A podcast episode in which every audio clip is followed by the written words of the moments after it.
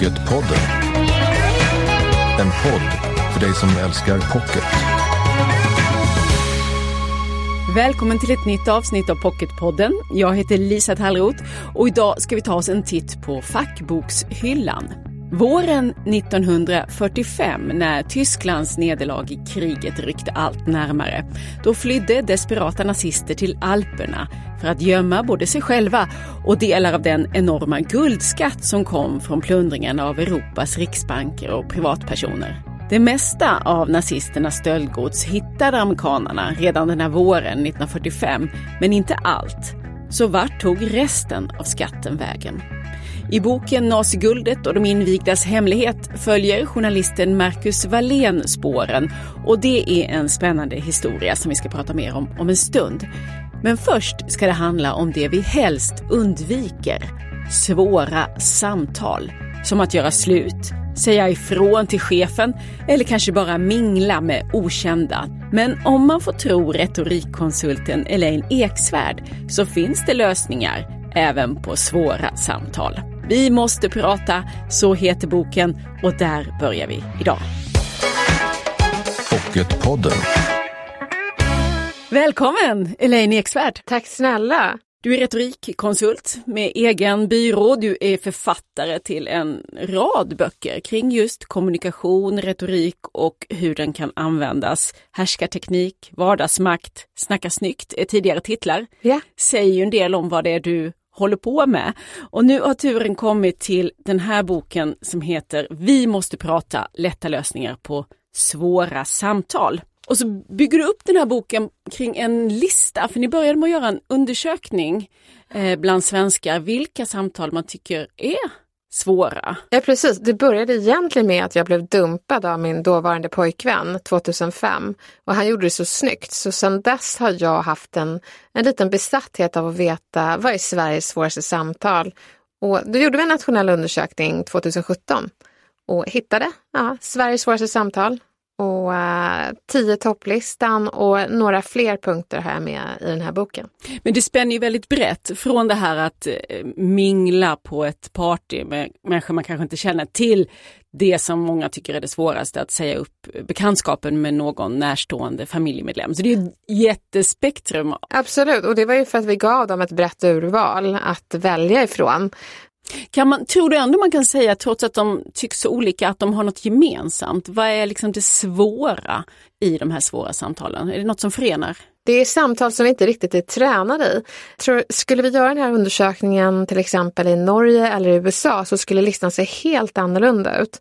Som på eh, tionde plats så kommer, och det är typiskt eh, jantelagen, och det är eh, att berätta om sina fördelar, det vill säga skryta på rätt sätt nästan varannan svensk är rädd för att berätta vad de har gjort som är bra.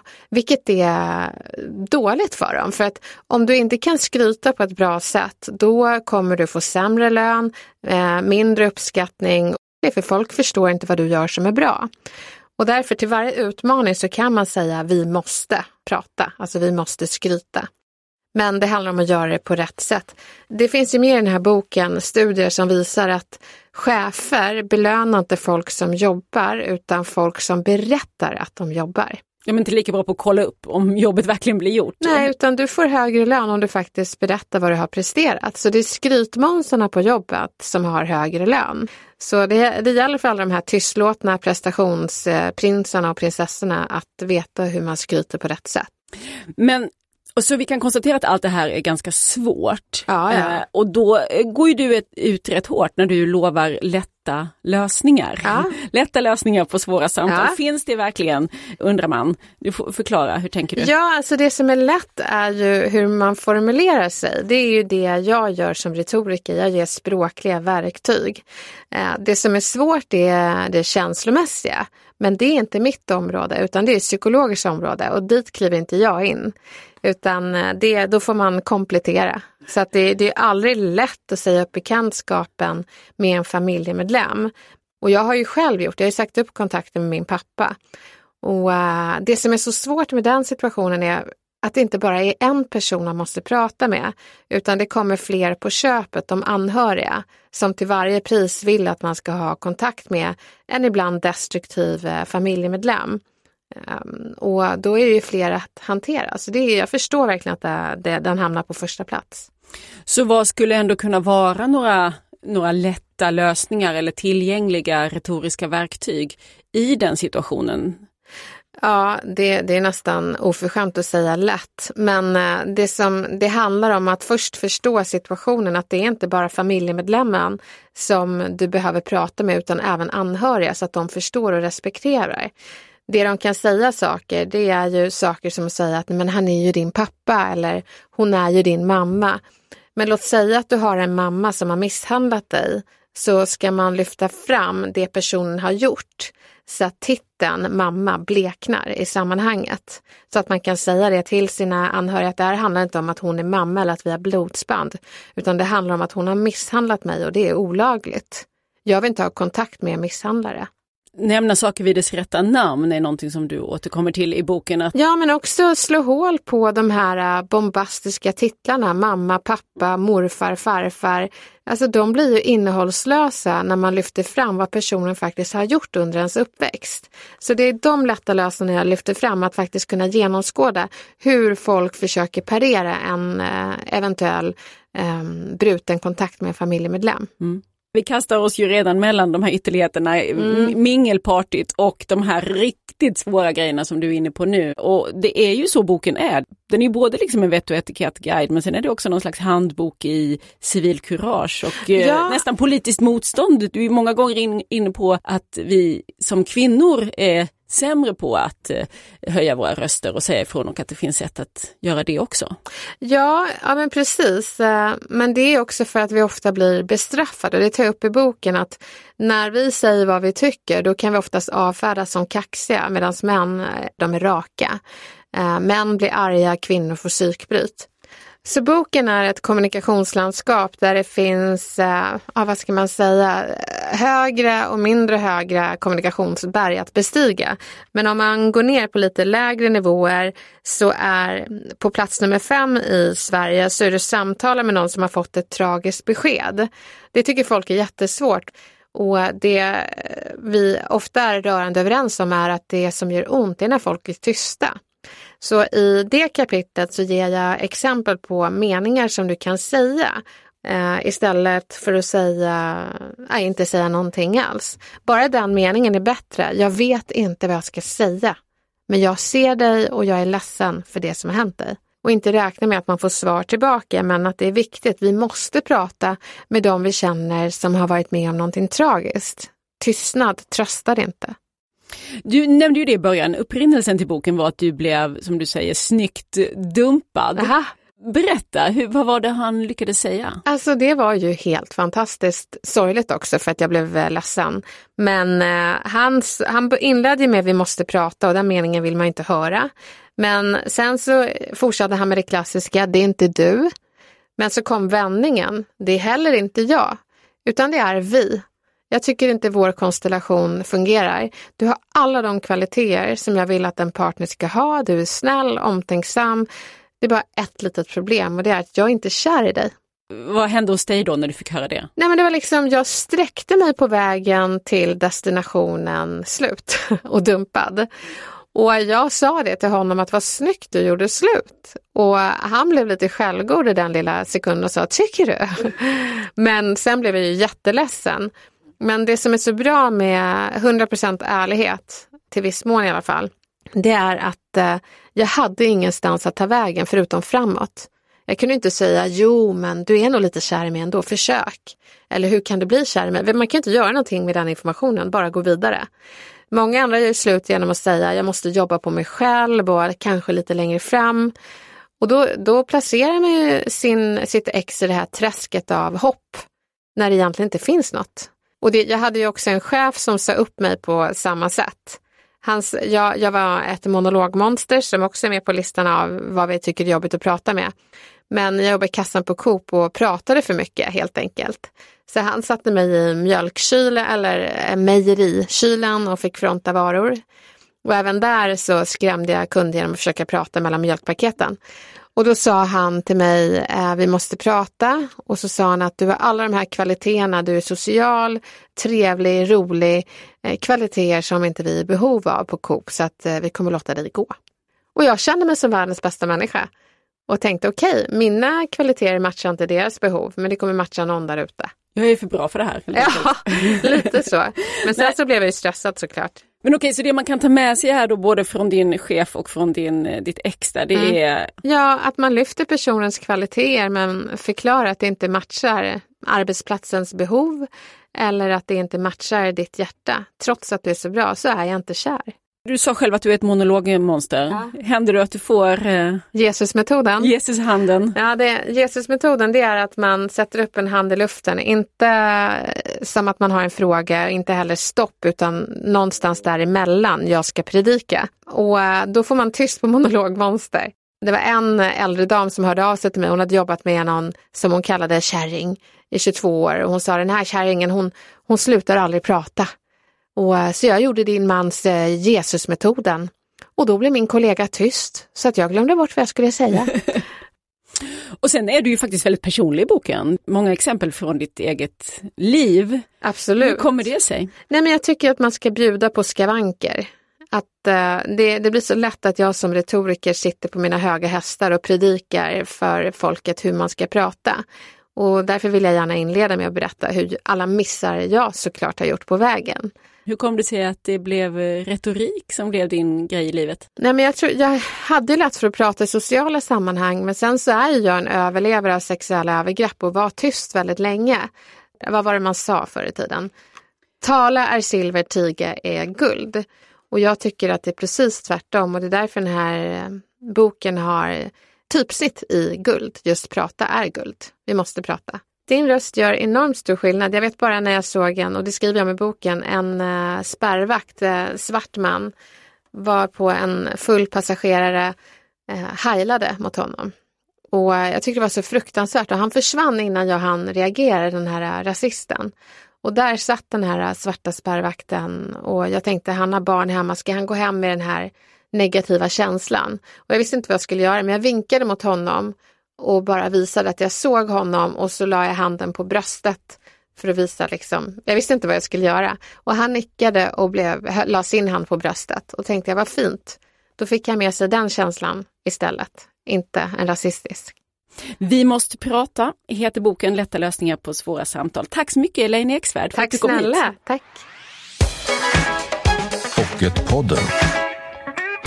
Nu har vi redaktörsbesök här i Pocketpodden. Lisa Jonasdotter Nilsson och Cecilia Losberg, redaktörer på Bonnierförlagen. Och det är både spänning och feelgood det ska handla om idag. Och Lisa, du får börja.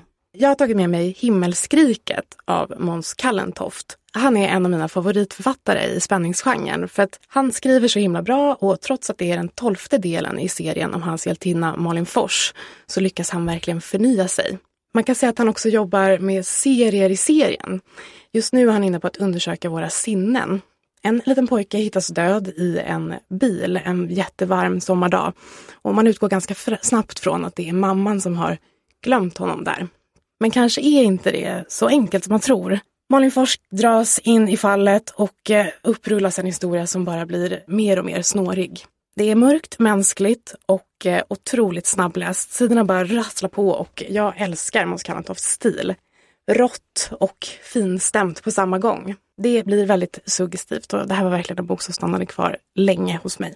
Måns Kallentofts Himmelskriket alltså. Och Cecilia Losberg, du har också en spänningsbok i näven. Jo, jag tog med mig Stormvarning av Maria Adolfsson och eh, jag är så glad att jag äntligen har hittat en ny favoritförfattare i den här genren som är kriminalromaner. Hon skriver liksom på samma genomtänkta, väl avvägda och täta sätt som till exempel Håkan Nesser. Det som är fantastiskt med Stormvarning och även hennes tidigare bok Felsteg, det är ju att här är fokus på metodiskt och liksom systematiskt polisarbete, psykologi och samhälle snarare än liksom bestialiska brott. Jag tycker det är väldigt intressant och spännande att ta del av det.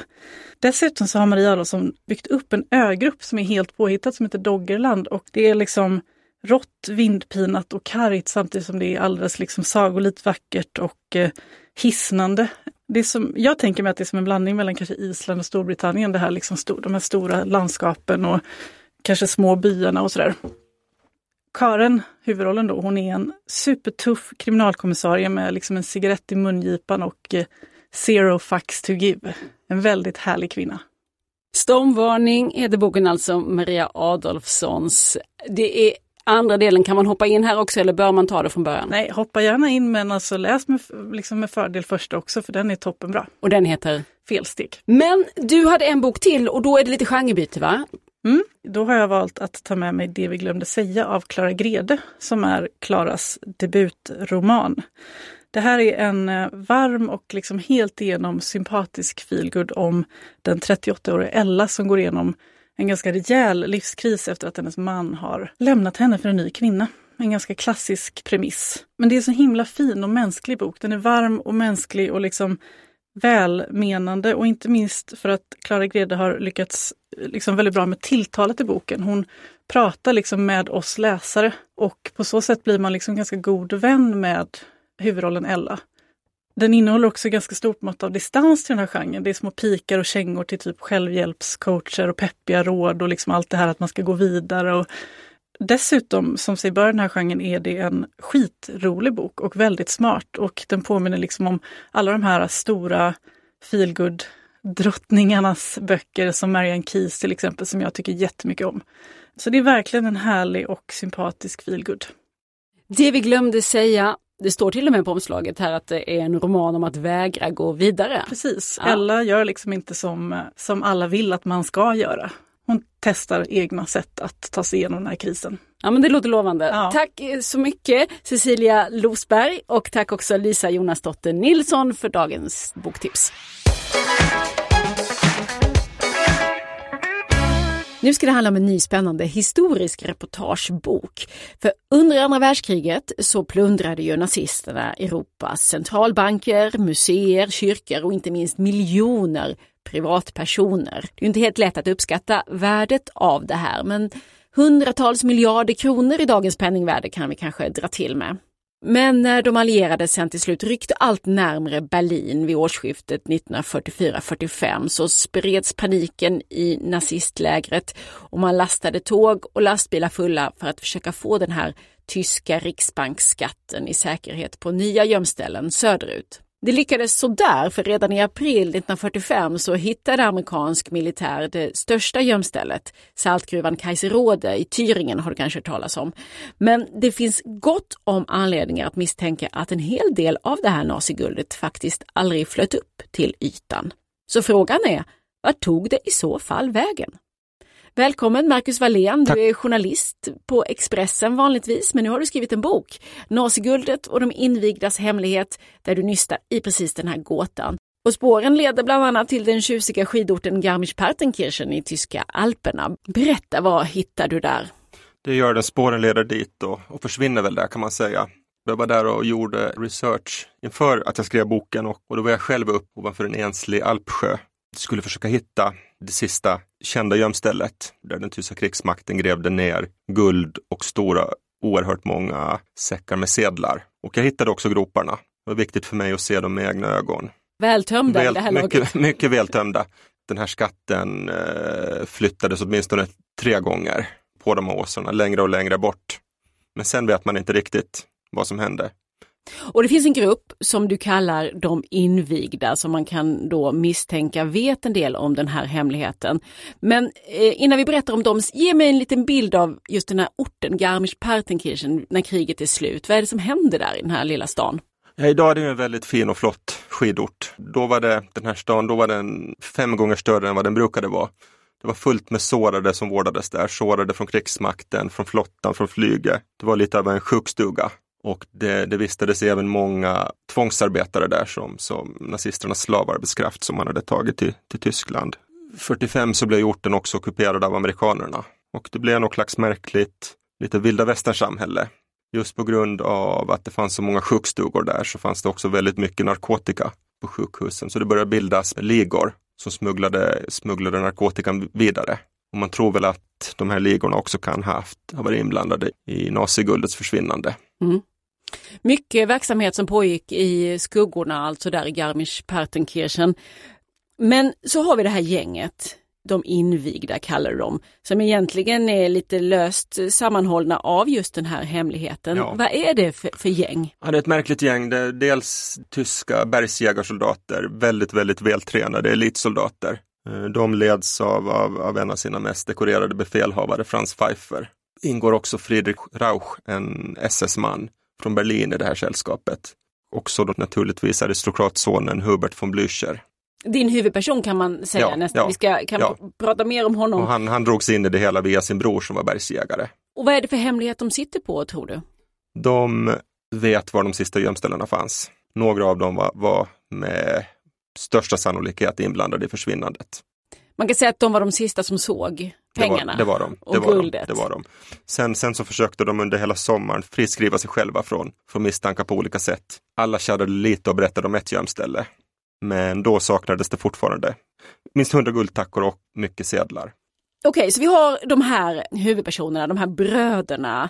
Hubert von Blücher och Lyder von Blücher som visar sig ha en koppling till Sverige för deras pappa var diplomat. Framförallt var han Tysklands sändebud i Finland men han hann ju vara i Sverige också.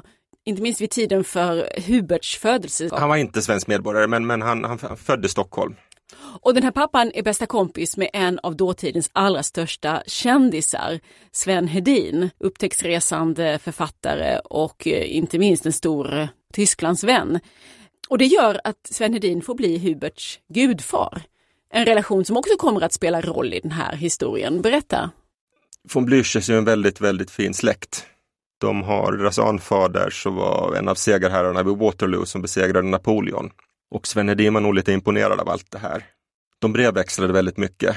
Både Hubert och Sven Hedin och eh, fadern Vipert. Mm. Och det är i den här brevväxlingen som du tycker dig ha kunnat hitta några pusselbitar. Vad är det i den här brev- som kommer fram i den här brevväxlingen? Hubert, Hubert skickar ett brev till Sven Hedin. Han ber Sven Hedin om, om hjälp att få komma till Sverige och studera. Kriget är precis slut och Hubert vill till Sverige, och han, men han behöver hjälp för att få inresetillstånd. Han är väldigt noga med att säga att, att det här inte kommer kosta Sven Hedin en endaste krona eftersom Hubert då själv har tillgång till närmast obegränsade resurser. Och, och det tyder ju på att, att Hubert hade gott om pengar vid den här tidpunkten. Eh, Det var ju inte så många som hade obegränsade nej. resurser han precis på- vid krigsslutet. Han påstår att det är på grund av en, en väldigt rik släkting. Mm. Men det har man väl lite skäl att vara tveksam till också just vid tidpunkten när hela Europa var sönderslaget. Så det är en liten pusselbit kan man Ja, säga. jag skulle säga att det är den första nya ledtråden på 20 år, Mm. vad som hände med pengarna. Sen kom han ju aldrig till Sverige, han emigrerade istället till Sydamerika Som många andra av de här Ja. nazisterna gjorde och, och många andra av de invigda. Och kunde där också starta sig ett liv som krävde en del pengar. Det gjorde han definitivt. Jo. Ja. Och du har ju faktiskt en egen koppling också. Det var ju himla märkligt att din, Ja. din farmor visar sig sitta på eh, också en, kanske en ledtråd till var pengarna tog vägen. Ja, när jag hade jobbat, kommit halvvägs med boken ungefär, så säger min farmor att de där från Blüchers du skriver om, att min halvsyster Gerda, hon jobbade ju för dem under krigsåren. Att jag tror jag har några gamla brev sparade. Och mycket riktigt, det fanns det korrespondens mellan, mellan farmors halvsyster Gerda och Vipert von Blücher. Men då var du alltså redan igång med Då var jag redan igång. Du ja. måste ju ha trillat av stolen. Verkligen. Jag blev väldigt överraskad. Jag hade in, inte en aning om det. Och i de här breven som också finns med i boken, vad är det, man, vad är det du tycker dig liksom kunna läsa där? Vipert berättar ju om, om, om sönerna och att Hubert har det väldigt bra och funnit sig till rätta i, i Argentina ekonomiskt. Det är ändå lite, vi kommer ju inte riktigt hela vägen in i sanningen. Det har ju ingen gjort. Nej. Det är ju, mång, det är ju många som har intresserat sig för Många har vikt sitt liv till det här. Då. ja, att leta efter det här som man misstänker försvunna naziguldet. Och, och eh, då och då så kommer det ett rykte om att nu har det någonting som har hittats. Men egentligen är det väl inte sedan 1945 som man har verkligen kunnat dra ut eh, guld i dagsljuset. Så är det. Från Så är det. För, förutom, förutom ett tillfälle på slutet av 90-talet när man lyckades lokalisera två försvunna guldtackor som egentligen hade glömts kvar i en bank. Annars är det inte sedan sen 45 egentligen som något större betydande fynd har gjorts. Så vad spelar det för roll tänker du när du, man ska försöka klargöra det här? Att man ändå inte kommer riktigt hela vägen fram till sanningen. Man kan bara jobba med indicier. Eh, Jo, jag tror det har gått så väldigt, väldigt länge nu sedan stölden. Och jag tror att det handlar om så mycket, mycket pengar och stora värden. Att jag tror inte det bara ligger, att, att det finns en gömma ute i skogen som någon, någon en dag kommer gräva upp och hitta. För så där mycket pengar bara glömmer man inte. Så de har spridits för De vinden? har, de har nog spridits, jo. Eller för vinden och för vinden. Eh, nazisterna är ju lite misstänkta by default här. Det ligger ju där till hands att tänka sig att det var de som tog det. Men, och det skriver du också om, i den här röran som pågick i Garmisch-Partenkirchen så finns det ju också stor sannolikhet att det var amerikansk militär eller enskilda som hade tillfälle att lägga vantarna på pengarna. Det var det nog med väldigt stor sannolikhet så var amerikanska officerare inblandade i det som har kallats världens största stöld. Men varför är det så svårt att eh, få klarhet i detta? Varför har det inte flutit upp till ytan? Ja, bland annat så förstörde amerikanerna själva mycket av all dok dokumentation som fanns efter. Man, man gjorde massor med utredningar, just bland annat i Garmisch-Partenkirchen och i München och var inte riktigt nöjd med, med det man kom fram till. Så man förstörde mycket av bevisen. Det här var den fina armén då som ockuperade Tyskland, sin del av Tyskland, den amerikanska armén som samtidigt skulle vara ett bålverk mot eh, östblocket. Då ville man inte svärta ner den amerikanska arméns rykte. Därför valde man att, att förstöra, Mm. förstöra mycket material från de utredningar som faktiskt gjordes om, om naziguldet. Så med mindre än att det skulle dyka upp någon gömma i någon bergsvägg eller så. så... Man ska aldrig säga aldrig. Nej, du lever lite på hoppet. Jag eh, lever om lite på hoppet fast, jag, fast, fast tills någonting är bevisat så är jag väldigt skeptisk varje gång det kommer någon ny, nyhet om att man har hittat något. Ja. Historien om andra världskriget kan ju berättas på många sätt och nu har du gjort det genom de här glasögonen och tittat just på stölderna och de enorma värden som flyttades runt i Europa. Tycker du att du fick syn på någonting nytt under arbetet med den här boken? För det första när jag började så hade jag en ganska vag bild av vad naziguldet var. Jag började läsa på, jag blev väldigt irriterad när jag upptäckte att det inte fanns någon övergripande bok som gav, som gav översikt över allt. Så det var dels det jag hoppas att, att min bok ska ge, plus att, att den innehåller några väldigt intressanta huvudspår. Jag blev nog faktiskt mest chockerad kanske när jag insåg hur grundligt nazisterna faktiskt plundrade Europa. Man tog allt i princip av ockuperade befolkningar, allt man kunde. Ja, ner på eh, tandplompsnivå. Inte minst hos alla de miljoner judar som förintades. Men det var världshistoriens mest grundliga plundring skulle jag nog vilja hävda. Och du har inte släppt det här eh, ämnet, om jag får säga ämnet som kriget. Du håller på med, det är fler böcker i skrivmaskinen hos dig, datorn förstås. Ja, jag har en, en som nästan är klart skriven som handlar om en flykt egentligen. Människor som, som flydde till Sverige och en av de människor som hjälpte dem hit. Ja, du är bra på att leta upp de där historierna i historien. Eh, de där personerna som har på ett eller annat sätt påverkat eh, händelseutvecklingen. Och den här mannen Hubert von Blücher är en sån. Han lever ju ett väldigt färgstarkt och spännande liv. Lever ända in på 70-talet va? Ännu senare. Honom får man lära känna i den här boken och en rad andra karaktärer i det som delvis fortfarande är en gåta. Några nya ljus eh, lyckas du kasta över den här frågan om var det försvunna naziguldet tog vägen. Tack så mycket Marcus Wallén för att du kom hit till Pocketpodden. Tack så mycket för att du fick komma. Tack och hej för idag. Jag hoppas att du nu har hittat till våra sociala medier. Där heter vi Älska Pocket och bjussa på fler boktips och bilder förstås. Nytt avsnitt av Pocketpodden kommer varannan fredag. Jag heter Lisa Tallroth. Hej så länge. Du har lyssnat på Pocketpodden. En podd från Bonnierförlagen.